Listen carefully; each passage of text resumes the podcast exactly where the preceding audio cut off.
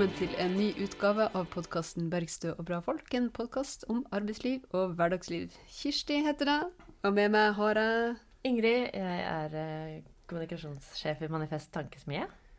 Ja, det er du. Jeg er jo fremdeles nestleder i Sosialistisk Venstreparti. Og i dag så har vi gleden av eh, å introdusere dagens gjest, som heter Bjørn Halvorsen, som er leder av NTL Sentralforvaltninga. Velkommen til oss, Bjørn. Takk for det. Utrolig hyggelig å ha deg her. Hyggelig å være her.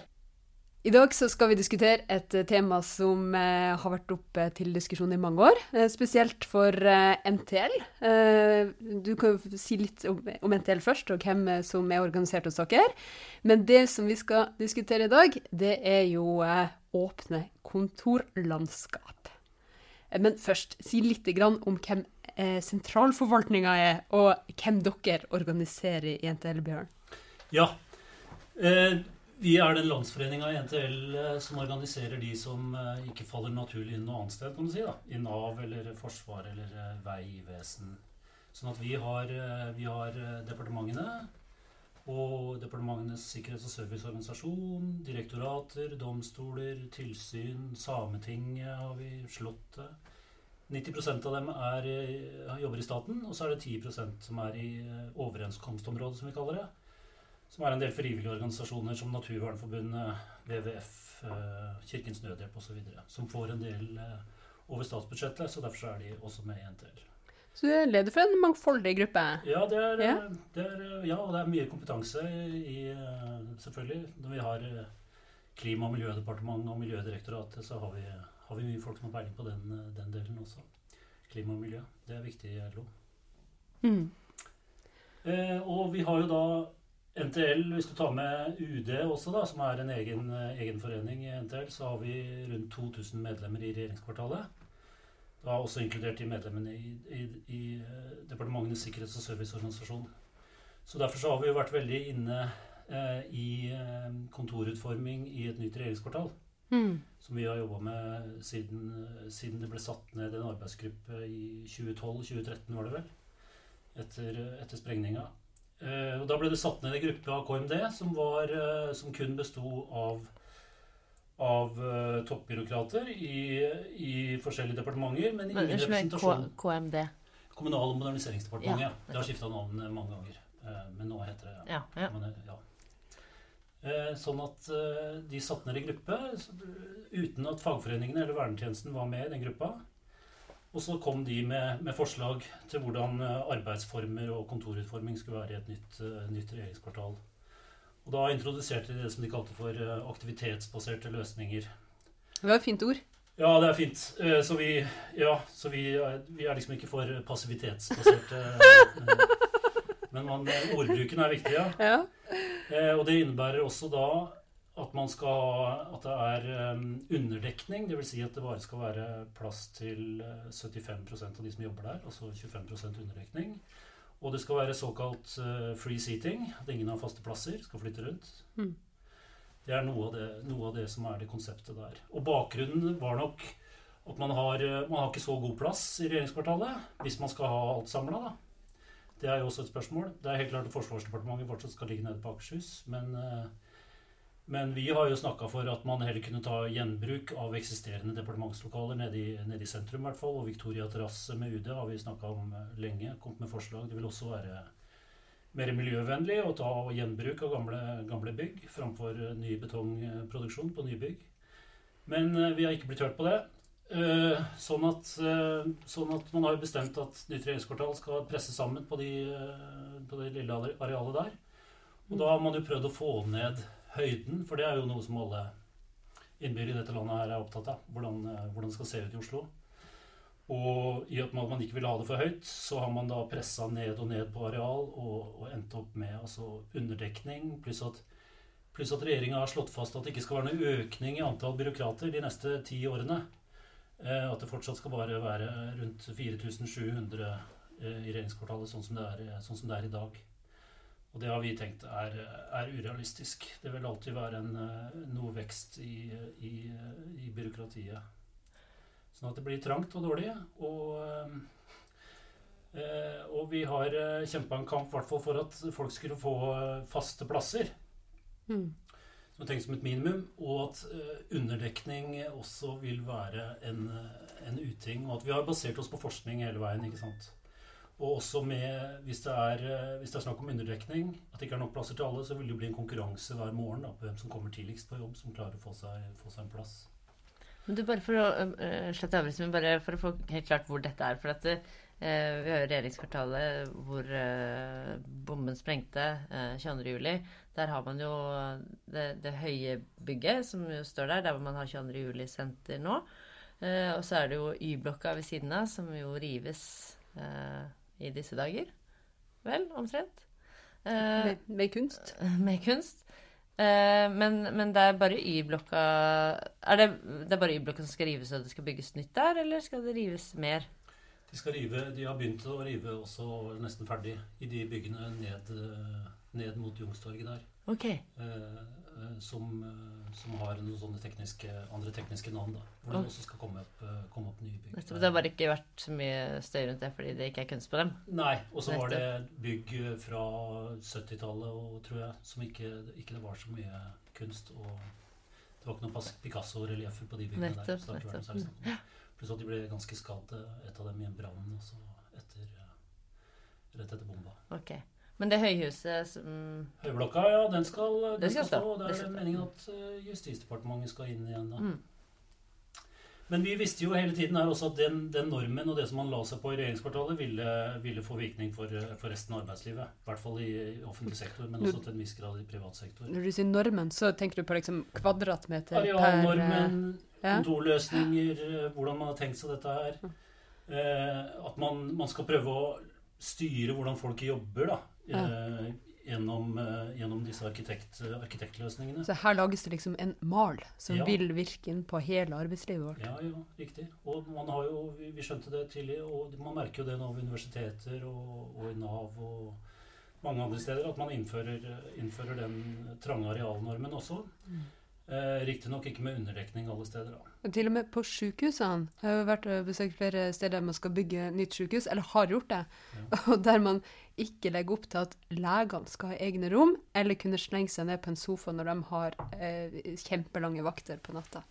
Eh, så, så der kjører man også åpne eh, landskap rett ved siden av hverandre med sensitiv eh, informasjon, selvfølgelig, som man jo jobber med når man jobber med med folk og forvaltning, eh, og eh, der hviletid eh, blir et spørsmål om, om praktiske muligheter. Ja. Mm. Og det blir jo helt feil å tre noe sånt over huet på, på alle, alle, institusjoner, holdt jeg på å si. det er jo Vi har jo også, også sett mer på dette her med at man skulle ta utgangspunkt i hva slags oppgaver man, man gjør i departementene i dag. Mm. Eller i andre steder også hvor man er avhengig av å jobbe konsentrert. For det er noen oppgaver hvor, eh, hvor forskninga tyder på at du, blir, du mister konsentrasjon bare sånn med visuell, uh, visuell forurensning, hvis du kan kalle det. Folk som går, på, går, forbi deg på siden, så blir hodet ditt trukket mot den personen automatisk. Så mister du litt konsentrasjon, eller den jevne summinga også som er i en del, en del landskap.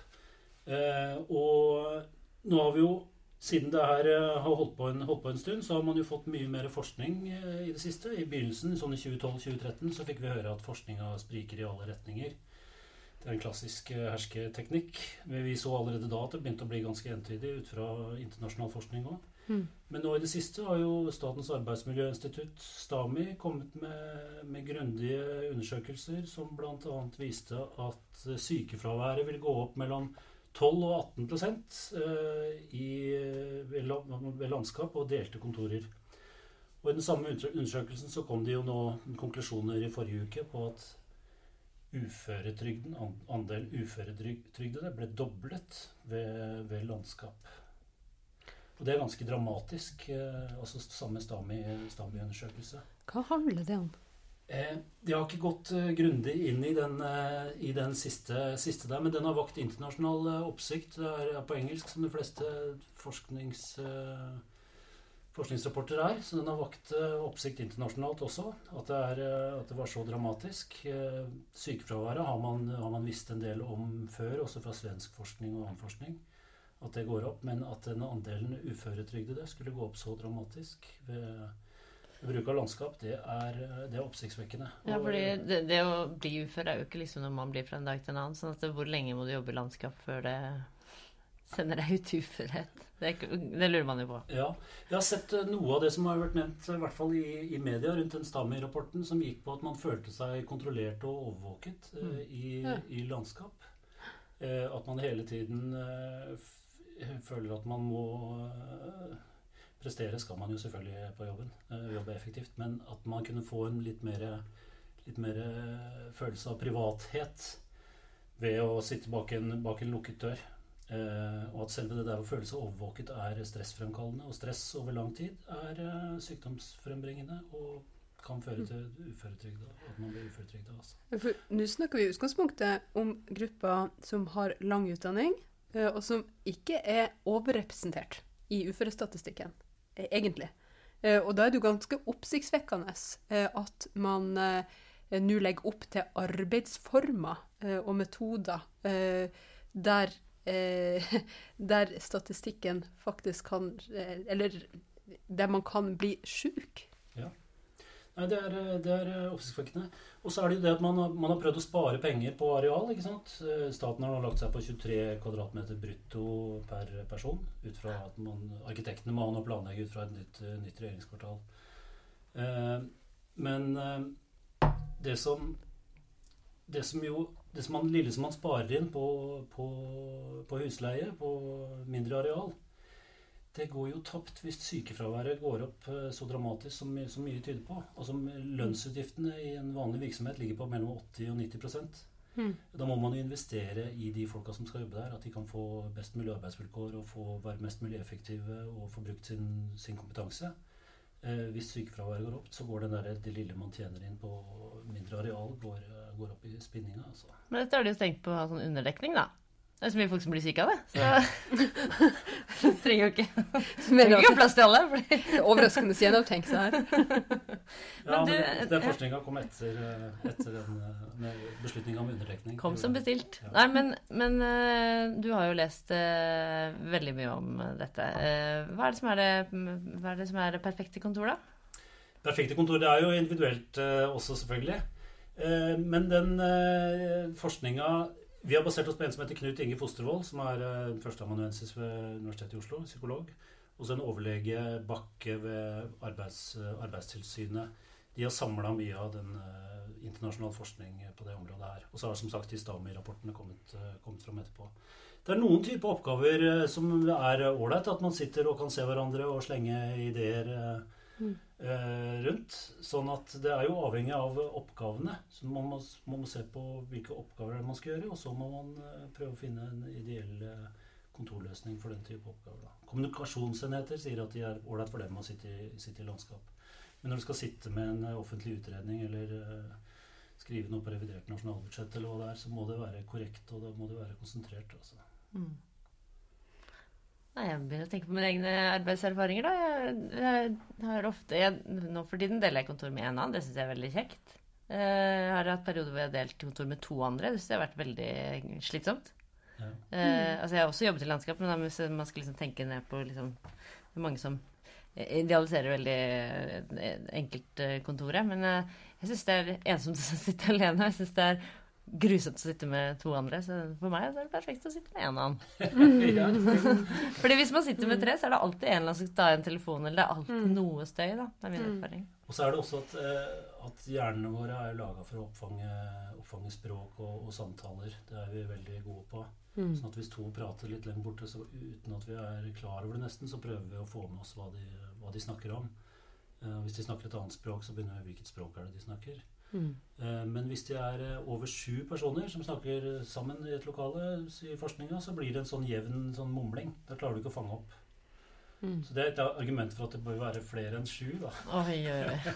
Det er jo ganske krevende. Mm. Men det som har kommet til det siste, er jo selvfølgelig, er jo selvfølgelig eh, at man har blitt mer oppmerksom på smitte.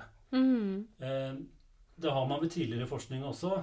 Eh, Og at noe av grunnen til at eh, sykefraværet går opp med 12-18 hvis du har delt kontor eller, eh, eller landskap, er jo, er, er jo også en del med når, hva skal vi si, uskyldig influensa og forkjølelser og sånt, som fører Mm. til, fører til sykemeldinger.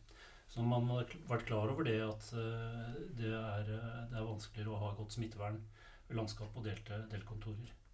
Men nå har det jo blitt litt, litt mer aktuelt, for å, si det, for å si det mildt.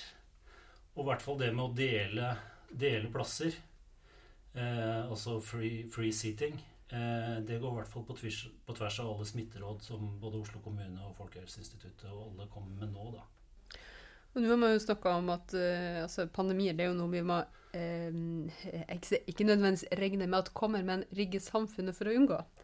Uh, tror du at det kan være et gjennombrudd for dere som jobber for å endre de her stramme og trange, bokstavelig talt, kriteriene? For å få et sånt fornuftens gjennomslag? Det burde jo være det. Vi har ikke gitt opp håpet, håpet om det. Men de svarene som Astrup har gitt nå, både på skriftlige spørsmål fra Kari. Ja, og mm. fra Gharahkhani fra Arbeiderpartiet, som også gikk på noe av det samme, det er ikke veldig, veldig oppløftende, altså. Hva er det som blir sagt der, da? Nei, øh, første, i hvert fall eh, i de skriftlige svarene, så er det jo, er det jo saklig, for der er det jo eh, departementsbyråkrater som har skrevet for ham.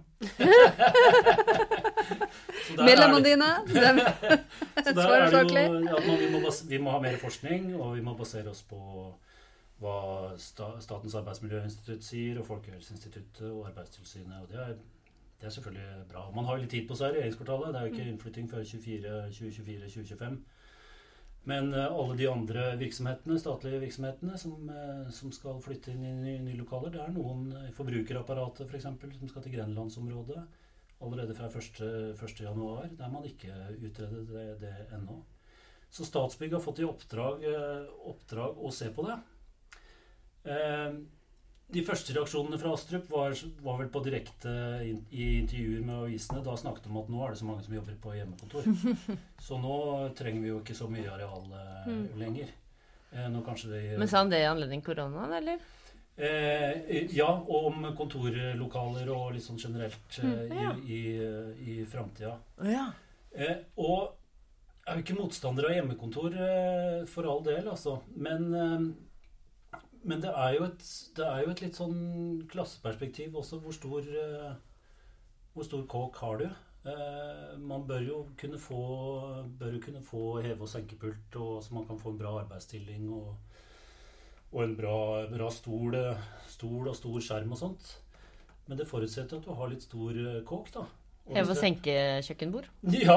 altså tenk Astrup har sikkert plass til både det i foajeen og i entreen, for alt jeg vet, og på hytta. På jeg kjenner ikke Astrup så godt. Men, det er men vi kjenner jo hans økonomiske forhold. Nei, det, eh, Dem kjenner vi jo litt til. Ja, det, så det er jo grunn til å tro at det er plass. Ja. ja. men jeg tenker også arbeidsgiver kan ha eh, Det vil være en fornuftig investering å dublere, tenker jeg. For nå at man har, har fullt eh, kontorutstyr hjemme, mm. forutsatt at man har plass, da. Eh, og at man også har, har, en, har, en, kontorplass. Fordi de smitterådene kan jo, komme, de kan jo endre seg underveis med utbrudd og sånt. Sånn at man på kort varsel er nødt til å, nødt til å jobbe hjemme igjen en periode. Eh, det, og det tenker jeg vil være, være billig for arbeidsgiver òg, sånn sett i den store sammenheng, og hva, slags, hva folk produserer og, og ut fra timelønn og sånt. Eh, at man investerer en 30 000 i en pult og en stol, en skjerm, burde, burde være rimelig. Men vil ikke det innebære at man også kan ha den typen jobber andre plasser enn i Oslo? Eh, fordi hvis vi legger opp til økt bruk av hjemmekontor, da er det ikke mulighet for desentraliserte arbeidsplasser? At man kan ha kollegaer i eh, Kommunal- og moderniseringsdepartementet som sitter ute i distriktene, og som er en del av det store fellesskapet, enten på fagsamlinger eller på, eh, på nettmøter, sånn som veldig mange har hatt erfaring med, med nå. Ja. Det er, det er, riktig, det. Altså, det har jo vist oss at vi kan, eh, kan jobbe effektivt med Teams-møter og Zoom-møter uansett hvor man sitter, eh, sitter, i landet. Men vi må nok ta litt sånn grundig eh, undersøkelse av hvordan, hvordan, det her egentlig er. Nå blir det mm. mest sånn anekdotiske bevis som vi har da, gjennom tre måneder med Teams-møter Teams nå. Mm. Men min erfaring er i hvert fall at det blir det blir veldig effektivt, men man snakker bare, vi snakker bare fag. Mm. Det er ikke noe, er ikke noe utenom, utenomsnakk. Kanskje bortsett fra de tre første minuttene før alle kommer på. Da. Men det er egentlig bare litt kjedelig. Ja, alle sitter og knoter. Kanskje har logget seg på ett minutt før, ja. Men, at, men også den der sosiale Mm. praten. Og man prater jo mye fag eh, på jobb eh, også. Mm. Og ikke minst eh, fagforeninger da, og forsamlingsfriheten da, som vi har eh, kjempet fram. Hvordan skal det gå med, med fagforeninger når vi ikke kan eh, samles eh, fysisk? Mm. Du har prøvd å synge på, på Teams eh, bursdagssanger. Det går jo ikke. Nei, Det høres ikke bra ut i det hele tatt. Men noen arbeidsplasser og noen av medlemmene dine jobber jo sånn til vanlig, f.eks. Sametinget. Eh, Nå er jo det en ganske stor arbeidsplass, men som jo har desentralisert struktur. Nå er det kanskje ikke så mange som sitter helt alene, og da er de jo ofte kanskje i landskapet, ikke fysisk landskap, men i, i klynger med, med andre. Eh, Og at man har eh, mindre arbeidsplasser eh, rundt Eller ikke mindre, men med færre folk, da rundt omkring. Så det viser jo at det er mulig, men at da må det være en struktur. Og kanskje at noen får være med på å få påvirke den strukturen, da. Ja. Og hvordan det skal være. Om, om vi tenker i den retning. Ja. Nei, det har, det har vist seg, og ikke minst som reisemønster òg, da. At hvem er det som gidder å fly til Trondheim? Nei, men pass meg hvilken by jeg velger for å ta et møte. Når du kan eh, fint ta et møte på Teams på et par, par, eh, par timer på Teams. Eh, og at vi vil se, vi vil se det. Mm. Men det vil også kanskje føre til at det vil være vanskeligere å samle folk, folk på større konferanser og Mm. manifest, årskonferanse. Ja, det er den henger jo en sin tråd. Vi vet ikke hvordan det blir. Altså, samle 900 mennesker inne på Sentrum Scene i Oslo, det Skjer ikke med det første. Nei, vi får se. Mm. Fortsatt uavklart. Ja. Nei, det er mye, det er mye sosialt som, som går tapt i denne fjernkommunikasjonen, ja. Og så er det jo vanskelig å rekruttere folk til fagforeninger hvis du ikke møter dem. Ikke sant? Ja. Hvordan skal du organisere de som sitter hjemme? Nei, Helt ny jo- strategi for det. det er, det er, vi har jo medlemmer også som driver med renhold, og som ikke sitter foran en uh, PC hele dagen. Men de som Mange sitter jo foran en PC, så man kan i hvert fall prøve, prøve den veien, da. Mm. Og få dem eh, meldt inn i Da kan begynne med sånn pop-up-vindu. ja, det kan vi. ja. Nei, da, det har prøvd seg. NTL eh, har vært flinke på å lage sånne korte filmsnutter og, og sånt på, på Facebook i det siste, syns jeg. Og vi merker jo at uh, i krisetider så, så melder folk seg inn i en fagforening. Ja. Så dere merker det på medlemstallene? Vi merker det også, det gjør vi, ja. Men du, du var litt inne på, på miljøet. vi snakket om gjenbruk av eh, noen av departementsbygningene. Og at betong er så miljøfiendtlig. SV har jo hatt et forslag om at nye regjeringskvartal skal bygges i tre. Mm. Det blir Ja. ikke det. Det ble ikke det. Du, nei, jeg har sett det. Eh, det. Og det er veldig mange som har eh, meninger om, eh, om regjeringskvartalet. Men det er ikke så veldig mange som har brydd seg om hvordan arbeidsforholdene til de som sitter, skal sitte inne der, er. Nei, men der har jo du gjort en jobb. ja, det er Og det er jo tross alt det aller viktigste. Ja, det som skal skje inni bygget, og hvordan ja, folkene jeg har er det der. Ja. Ja. Men også sånn når vi forhåpentligvis får på plass en rød-grønn regjering, at vi har en bra, bra struktur eh, Mm. for våre folk. Jeg prøvde egentlig å gå over til å snakke om miljø, men eh, det fikk jeg ikke. Eller klima. det, det fikk jeg ikke noe, fikk jeg ikke noe mulighet til. Jo, du kan snakke om miljø. Det er veldig miljøvennlig å ha møte på Zoom. Teams. Ja, det er det jo. Ja. Nei, men altså Det, det Redusere er fordi at eh, Jeg vet jo at NTL er et, et av et, et forbund som er veldig opptatt av klima, klimakrisa. Så, så hvordan, hvordan skal vi løse den, Bjørn? Jo, nå skal du høre her. Der Teams. Jeg jo, der Zoom. Jeg, det er Teams og Zoom, ja. Er. Eh, der syns jeg jo Manifest eh, har gjort en bra jobb eh, i det siste. Og også Agenda, som har slengt seg på. Nå har vi, fått med både SV, Miljøpartiet De Grønne, Senterpartiet og Arbeiderpartiet på en del, eh, del tiltak eh, for grønn industriutvikling. Men det er særlig det prosjektet til, eh, til Manifest da, hvor som, som jeg vil eh, Ja, fordi de er, en, de, er en, de er jo en tankesmie som er basert på at eh, fagforeninger skal komme med, med, med støtte til dem, ikke basert på noe Trond Moen-millionær i Bergen eller store millionsummer fra LO. Eh, sånn at det kommer, kommer mer fra grasrota. Og da har man jo fått med både, både industrien og, og altså Industri og Energi og deler av Fellesforbundet også, sammen med, med NTL og, og LO IT-forbundet. Og det er jo veldig viktig for LO da, at vi klarer å, klarer å få både privat og offentlig sektor til å stå sammen, sånn som vi har klart i 100 år i, i LO. At vi Mm. ikke får den, eh, får den splittelsen der. Og da er det jo nettopp at vi må, vi må tenke, tenke sysselsetting. Vi må, og nå med 350 000 ledige og, og, og permitterte, så er det jo ekstra viktig. Men at man da må ha Man må, kan ikke bare si at uh, vi skal verne, verne alt, men vi må ha noen forslag til hva som vi kan produsere og, og kanskje bli verdensledende på framover. Sånn som f.eks. havvind og med all den, eh, all den kompetansen som vi har eh, fra offshoreindustrien på både verftsindustrien og, og resten av leverandørindustrien også. Mm. Så få med, få med de på laget. Eh, og at nå er, det, nå er det tida for det. Så Guardian ga oss et halvt Det var en forsker som ga vi har et halvt år på oss. eh, Sånn. Det rekker vi jo ikke. Eh, det kan bli, det kan bli, litt, kan bli litt snaut, men altså utnytte den muligheten som, som ligger der nå, da. Det er jo mange som har snakka om det. Eh, Altså utnytte, utnytte en krise. Eh, Tradisjonelt så har det vært høyresida som har utnytta kriser til å gjennomføre markedsliberalisme, men at vi kan bruke det nå til, eh, til et grønt skifte. Der jo SV løftet frem eh, grønn ny deal-planen som, eh, som er lansert, og som er på over 100 sider, som er et slags sånn debatthefte som vi egentlig ønsker at alle skal stjele av, låne av, ta av, for at det skal bli et felles eie. Eh, og det handler om at vi trenger en, en, en politikk som både kutter i utslipp, men som sørger for eh, flere arbeidsplasser og industrireisning. Eh, fordi eh, vi trenger jo nettopp, eh, som du sier, eh, i forhold til ha- havvindmøller og, den slags som, som ikke bare er nye eh, nyutvikling, men som også sikrer eh, den dagens industri eh, oppdrag. Eh, Og der vi også må eh, sørge for en, en bedre fordeling. Styrke velferd og fordeling, eh, samtidig som man ivaretar eh, ikke bare klima, men også natur. Så det er jo veldig mye sånn felles diskusjoner som, som er kjempespennende på venstresida og fagbevegelsen, som, trenger, som, som er avgjørende, så at vi klarer å, å samle oss om å løfte frem eh, for å stake ut kursen eh, for eh, en ny regjering, en ny politisk kurs i, i 2021. Helt enig i det. Jeg anså ikke det som noe spørsmål.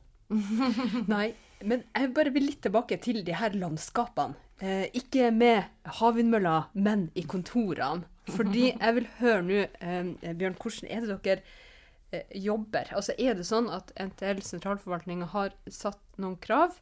Eh, og er det sånn at de blir målbært opp mot eh, de politiske partiene? eh, med hvordan standardene skal være, eller er det mer det at man krever medvirkning eh, og bestemmelse eh, for eh, den malen, som vi jo kan kalle det, som, som blir lagt nå? Og hvordan, hvordan eh, går dere frem, og hva er prosessen eh, videre nå? For det her angår jo veldig mange i dag, og det angår jo enda flere eh, fremtidige arbeidsplasser. Ja. Eh, Medbestemmelse er, er viktig. At man lytter til de, eh, lytter til de tillitsvalgte.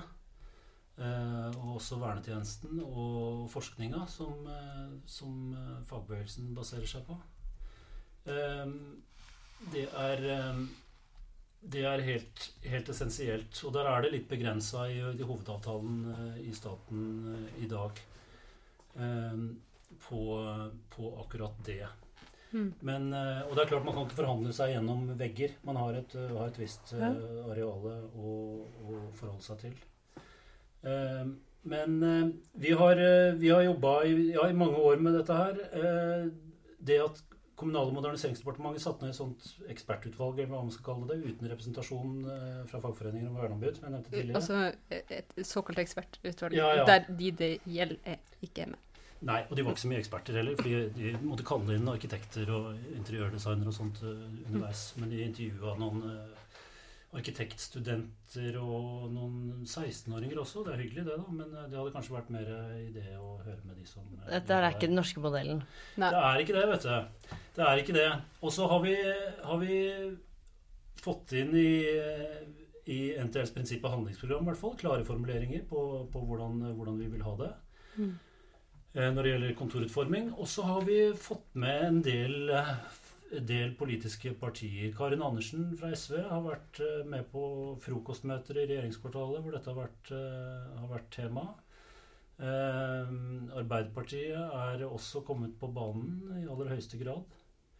Så vi har jo et, har jo et håp om at ved et, ved et regjeringsskifte at vi kan få gjennomslag for det som du kalte fornuften i stad. Mm. Som både går på at det vil koste veldig mye penger å bygge om disse lokalene hvis de viser seg å ikke være hensiktsmessig utforma. Pluss at uh, smitte har kommet inn nå som et nytt uh, ja, element. I hvert fall pandemien som, uh, som, et element.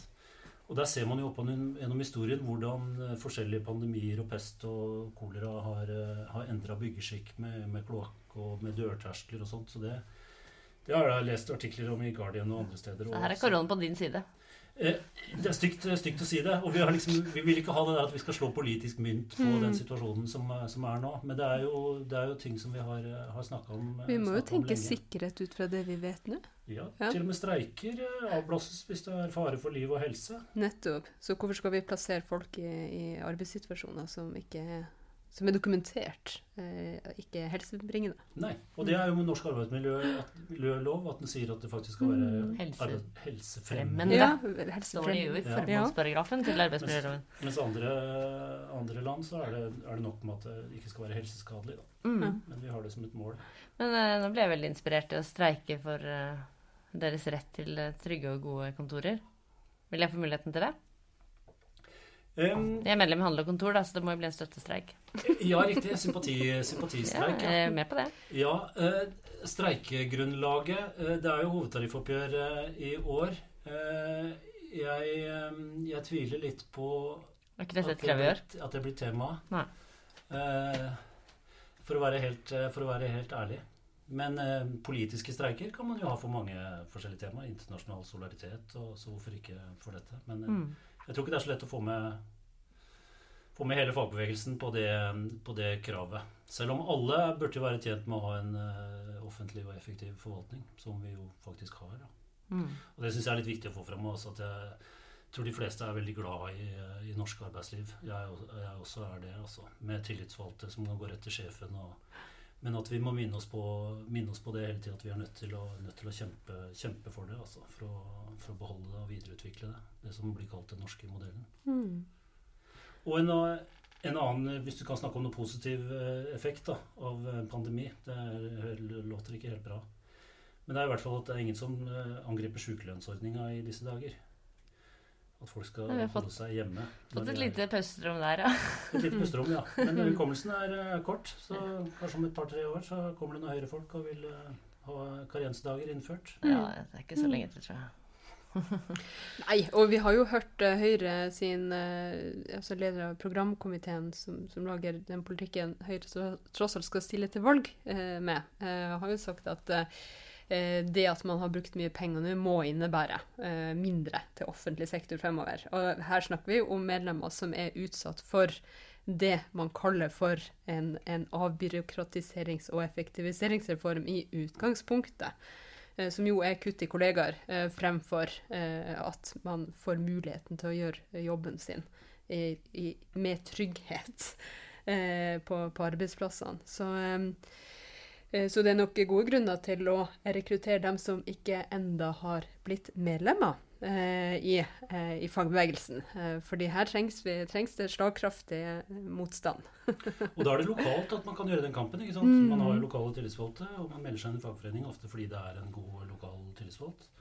Og det er der eh, man skal, må forhandle om dette med, med kontorutforming hvis man skal bytte lokaler eller mm. Problemet er jo å gjøre det hvis noen sier 'nei, men det her er malen'. Sånn er det overalt. Og det er jo derfor det er så viktig å vinne det eh, slaget når det står.